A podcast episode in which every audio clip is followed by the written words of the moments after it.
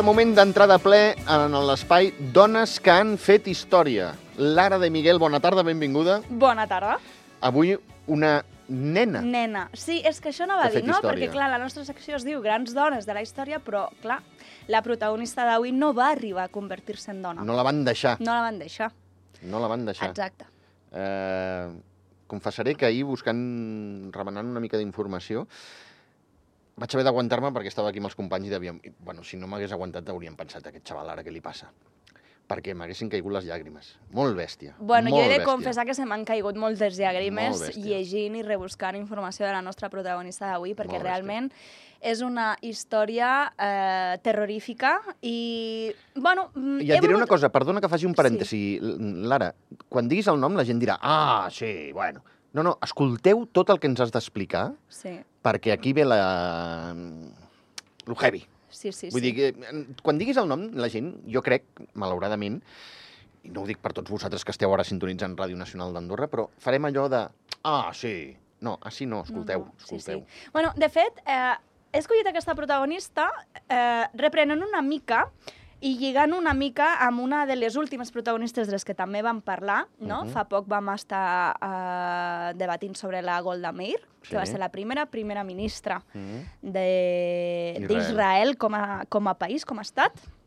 I vaig pensar, ostres, eh, després de parlar de tot eh, l'antisemitisme, després de parlar de... Bueno, que vam fer una petita pinzellada amb Golda Meir de l'Holocaust, vaig pensar, ostres, però és que hi ha una altra protagonista Sí, eh, sobre aquesta mm, malaurada desgràcia del segle passat. És que hem de pensar també que només han passat mm, res, res, 60 i pocs anys Sí, sí. d'això, no és que és mm, abans d'ahir, com aquell que sí, diu, Sí, sí, sí. i, I és evident doncs, que és un tema molt tabú i és evident que és, mm, jo penso, la desgràcia més gran que ha viscut el nostre planeta, La humanitat, sí. mm, bàsicament, eh, però és que no l'hem d'oblidar i, i no hauria de ser un tabú i hauríem de reconèixer aquests fets, sobretot de discriminació i de racisme, Mhm. perquè no es tornin a repetir mai més, no? Eh, I, bueno, doncs anem a, entrem de ple ja. La nostra protagonista, suposo que alguns ja ho hauran adivinat, és l'Anna Frank. Molt bé. Anna Frank, eh, que com ja tenim per costum, començarem amb la seva frase cèlebre. Vinga, va. I és que, malgrat tot el que va passar, ella va dir que no penso en tota la desgràcia, sinó en tota la bellesa que encara permaneix. Llavors, bé, la història d'Anna Frank és una, evidentment, de les més conegudes d'entre mm, d'entre els 6 milions de jueus assassinats a l'Holocaust. Uh -huh. I no vull dir morts, vull dir assassinats, perquè no ho hem d'amagar, perquè no van morir. No, no, a més aquests... Els eh, van assassinar. Aquests pàjaros, perquè no tenen un altre nom, ho Sí. sento, ho sento, però avui m'he de- d'expressar així, eh, es van carregar eh, milió i mig més de gent d'ètnies eh, tipus gitanos, eh, Eh, eh, homosexuals, homose- sí. molestaven. Sí, sí, tota i els, gent i els de pell fosca, també. Sí, també, també, Tot, també. tot, tot el que no fos aquella raça ària Sí. seva, imaginària, que mm, comencem, comencem que el líder d'aquest partit, eh, el senyor Hitler, quan va arribar al poder a 1933, aquest senyor no era raça ària. Que és, a, a, a mi això és, és de les coses que més em sorprenen, perquè aquest senyor ni era ros ni tenia els ulls blaus. Mhm. Comencem per aquí, no? Sí, sí, sí. Llavors és que és tot tan surrealista. Rocambolesc, sí. En fi. I bé, doncs, Anna Frank, clar, va ser una nena jueva alemana, Mm. d'acord? Eh, bueno, víctima de l'Holocaust. També hem de dir que Anna Frank no va morir assassinada en els camps de concentració. Però, però va morir a causa de les enfermetats derivades que, bueno, Sí, va mal- enganxar en aquests camps de concentració, evidentment. Malalties com el tifus, no? Exacte.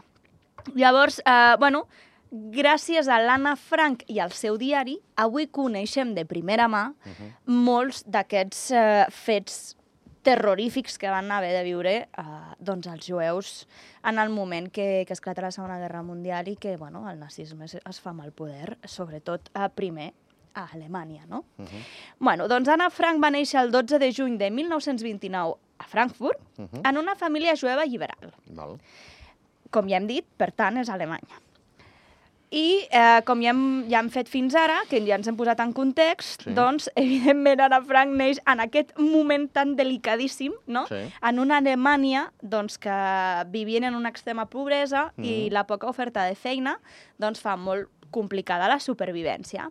Sí. I, doncs, paral·lelament, el partit de Hitler comença a agafar rellevància i seguidors, doncs, precisament amb aquesta excusa, no?, eh, de, de la pobresa, Ah, dient que la culpa d'aquesta pobresa i d'aquesta mala situació en el país és pels jueus. Dues coses. Punt 1, populisme, d'això se'n diu populisme. Punt 2, Totalment.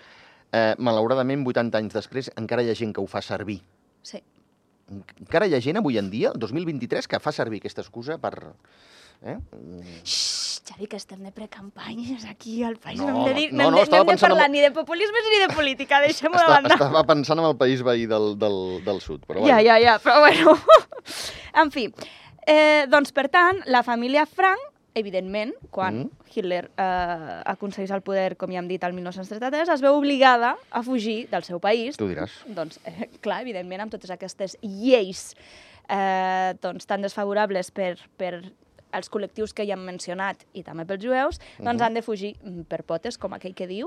Sí, sí. Eh, a més a més, recordem eh, que als jueus se'ls hi expropia de tot. Sí, I de sí. tot em refereixo també en el passaport. És a dir, eh, això és una altra cosa de- surrealista, no? Que dius, bueno, no els volem en el país i els culpem de tot, però, bueno, clar, traiem-li els passaports i així no, no podran marxar, no? Ja era Bueno, l'avançala, clar, clar, sí. ja era l'avançala de, de fer tot aquest genocidi, Sí, no? sí. sí, sí. En fi, sí, sí. Llavors, arriben eh, en el mateix any, el 1933, a la ciutat d'Amsterdam, Mhm. on aquí, afortunadament i de moment, no passa res amb el poble jueu. Mhm. I mm, el pare, l'Otto Frank, el pare de família, creu que mm, instal·lant-se a Amsterdam doncs es podran sentir segurs i aquesta seguretat, eh, malauradament, només els hi dura set anyets més, ara ho explicarem, Molt bé. no?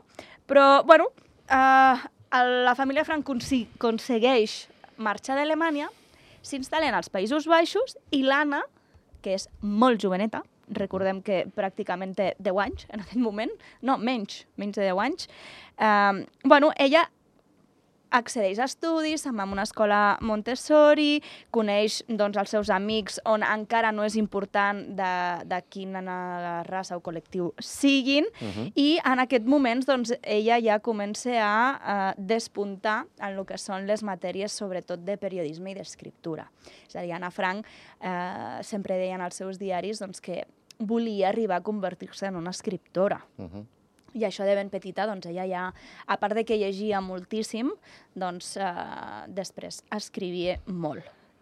Però, el 10 de maig de 1940, Mhm. les tropes de Hitler invaeixen Holanda. Sí. Així, i, a, I a més ho fan en tan sols 5 dies. S'apoderen de tot el país en només 5 dies. O sigui, imagina't, no hi ha cap Una mena... picon apiconadora. Eh, Sí, sí, no hi ha cap mena de marge de maniobra d'absolutament res. I eh, aquí és quan la família Frank comença a preocupar-se de nou i és quan el seu pare, l'Otto Frank, comença a idear un amagatall Mhm. per la seva família perquè ja se'n suma que eh, No pinten- quedarà molt poc perquè... Sí. Pinten bastos. Exactament, no? Llavors, això és molt important perquè eh, ells es van instal·lar en, una, en un edifici abandonat on en els primers anys, abans de que eh, els nazis invaïssin els Països Baixos, ells van instal·lar el seu petit negoci, Mhm. eh, eh, Otto Frank amb un altre soci, i eh, bueno, quan, quan ell va idear aquest amagatall, el va idear a la part del darrere de l'edifici. I és per això que en un inici el diari d'Anna Frank no es deia el diari d'Anna Frank, sinó Mhm. que es deia la casa del darrere, doncs precisament per això, perquè el seu amagatall era en allà. I fins i tot es pot arribar, a- arribar a trobar una publicació, que això seria una joia, eh? per- perquè eh, es va publicar dient-se la- l'habitació de atrás. Sí, Imagina't. perquè la, és una joia, ja, eh? Sí, sí, l'habitació d'atrás va ser, si no m'equivoco, ara no tinc la data exacta, em sembla que va ser el 1955, quan es tradueix per primer cop al castellà. I, i llavors eh, li posen aquest nom, la- l'habitació. Que imagino que el senyor que governa... Senyor. El personatge que governava el país veí del sud no li devia fer molta gràcia, I tampoc. tant que no. Eh? No, no, no, i tant que no. Sí, sí. Uh, I doncs, com dèiem, es van haver d'amagar en aquest amagatall uh, que era al carrer... Això, bueno, jo les pronunciacions d'aquests noms, de veritat que sóc espantosa, però bueno, al carrer Prinsengracht 263, que avui si vas a Amsterdam, Sí. evidentment aquest edifici és, el, és un museu, i és el museu de la casa d'Anna Frank, i, i és una autèntica eh, meravella com han, com han pogut recuperar tots aquests documents doncs, eh, d'aquells temps i, i com t'expliquen la casa i el recorregut. No? El que sí que és molt interessant del museu és que eh, quan, quan van haver de marxar, i ara explicarem el per què, quan va haver de marxar la família Frank del seu amagatall, eh, Otto Frank sempre va demanar que buidessin la casa de moble, dels mobles que hi havia, que era res. O sigui, l'amagatall no ho hem dit, però l'amagatall eren 50 metres quadrats distribuïts en tres plantes. I en aquell amagatall hi havien i hi convivien fins a 8 persones. Uh -huh. O sigui, imagineu-vos el que ha de ser 50 metres quadrats distribuïts en tres pisos 15, i 8 sí. persones visquent-hi. Vull dir, déu nhi eh? Uh -huh. um, llavors Otto Frank va demanar que en el moment que ells haguessin de marxar d'allà, que buidessin la casa, perquè era la seva manera d'entendre i representar el buit. El buit que les seves vides estaven visquent, no?, a causa de, de, del nazisme. Llavors, bueno, es van haver d'amagar 25 mesos. I durant aquests 25 mesos és quan Anna Frank eh, escriu aquest diari. Aquest diari li va regalar al seu pare en el seu 13è aniversari, però just abans d'haver-se d'amagar. Perquè el motiu d'haver-se d'amagar, a més a més, és perquè a la primavera del 1942 eh, la seva germana gran, la Margot, rep una notificació eh, on se li exigia que havia d'anar a treballar pel règim nazi. Mm -hmm. I de seguida van entendre que això no era un, una oferta de feina. No. no. Ja, ja ho van entendre de seguida Sí. i immediatament després de rebre aquesta notificació ja van decidir amagar-se i des de llavors van estar 25 mesos, 25 mesos, amagats sense sortir al carrer, que es diu eh, aviat. Sí, Eh? sí, sí, sí. I la gent es pensarà, bueno, i com van poder sobreviure aquests 25 mesos, no? Uh -huh. Doncs, evidentment, tenien aliats. La família Frank va tenir els seus protectors i mm, que molts d'ells eren els, els treballadors de l'empresa del Frank Otto, Otto Frank. o sigui, de l'Otto Frank amb Mhm. el seu soci, i bueno, aquesta gent els ajudava sobretot doncs, a, a tirar les escombraries, a portar-los el menjar. Eh, sí, clar, és que tu imagina't, mm, com, com tu fas si no pots sortir de les quatre parets de casa, no? I jo què sé, imagina't, és que coses tan simples com dir avui em ve de gust menjar-me unes carxofes i me'n vaig al mercat a comprar-les. Sí, no, sí. impossible. És que era impossible, no es podia fer això, no? Uh -huh. Llavors, tots aquests protectors eh, doncs van estar ajudant a la família a, a poder sobreviure.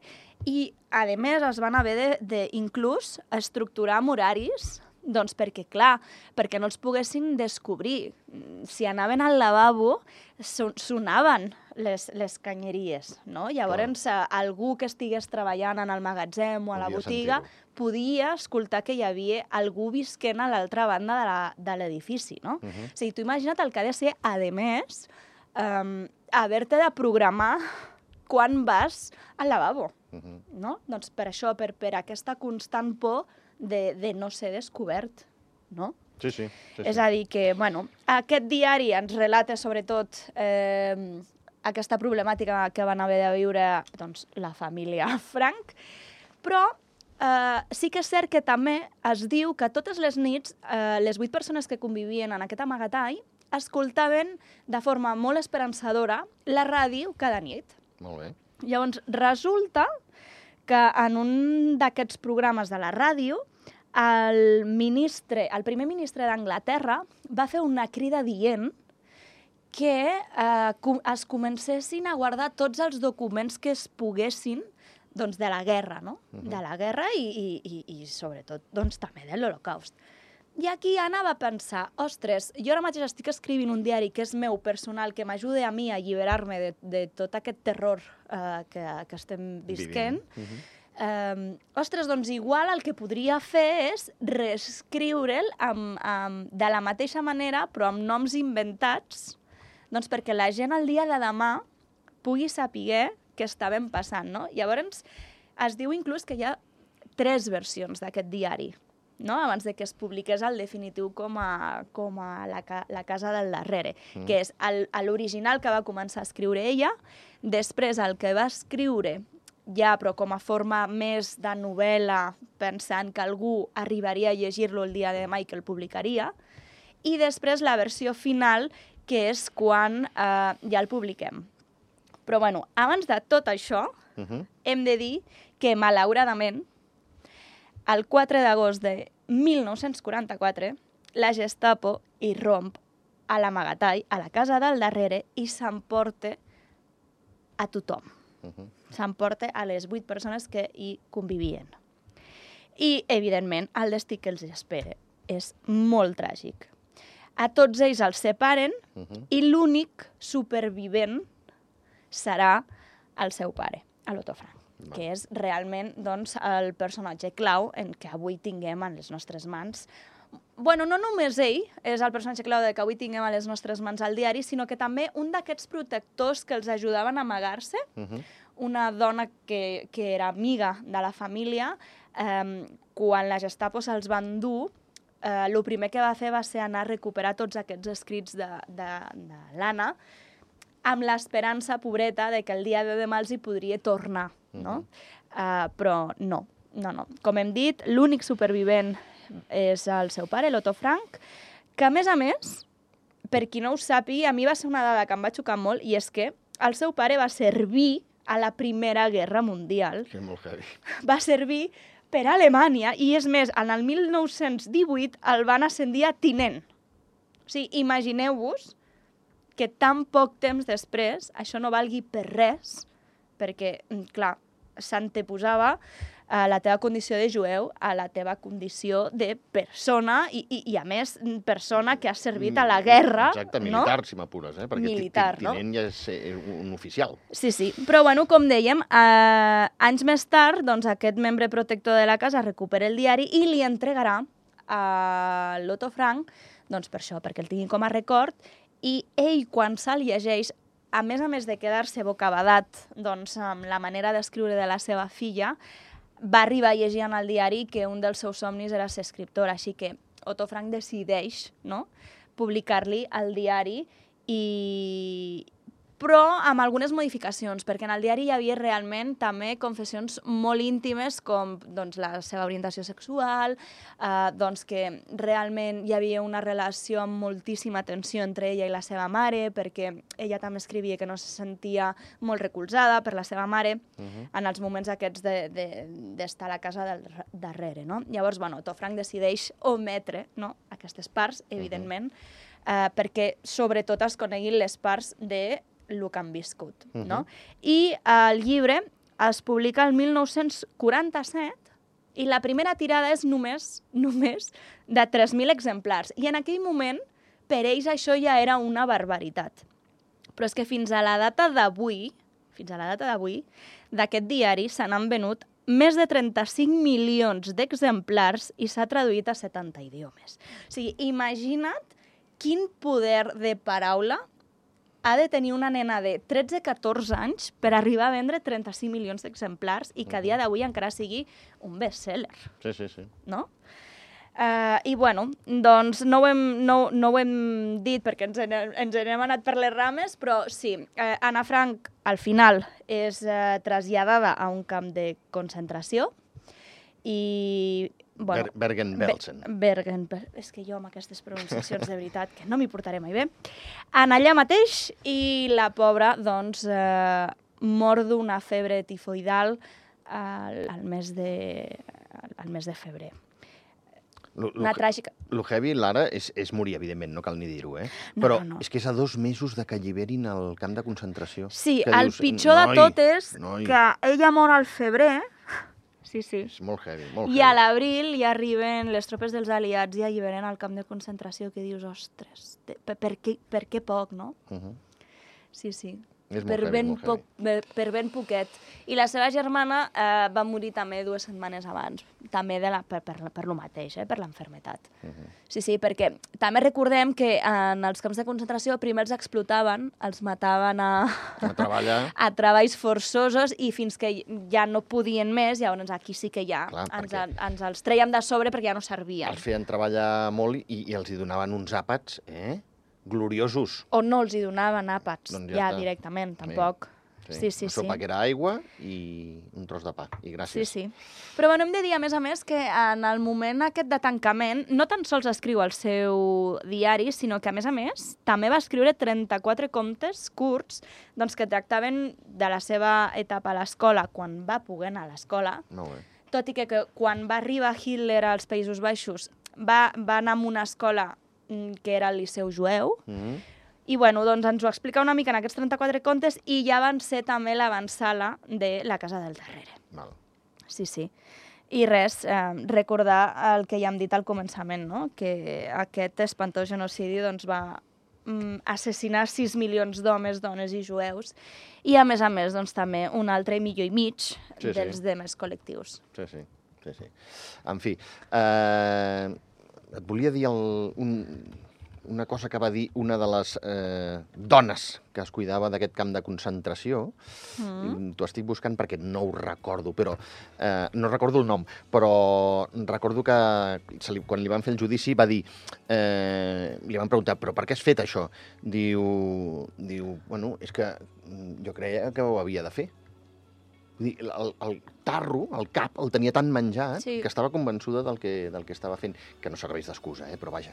Però, per exemple, eh, va morir l'any 2000, va passar només 5 anys a presó dels 80.000 que li van caure... Vull Clar, dir, aquestes clar. coses, eh, en fi... Tan injustes, eh? Sí, sí, sí. Sí, sí, En fi. injustes. Lara de Miguel, avui ens has posat els pèls de punta, però t'ho agraïm. L'hem de recordar. Que vagi molt bé. Adeu.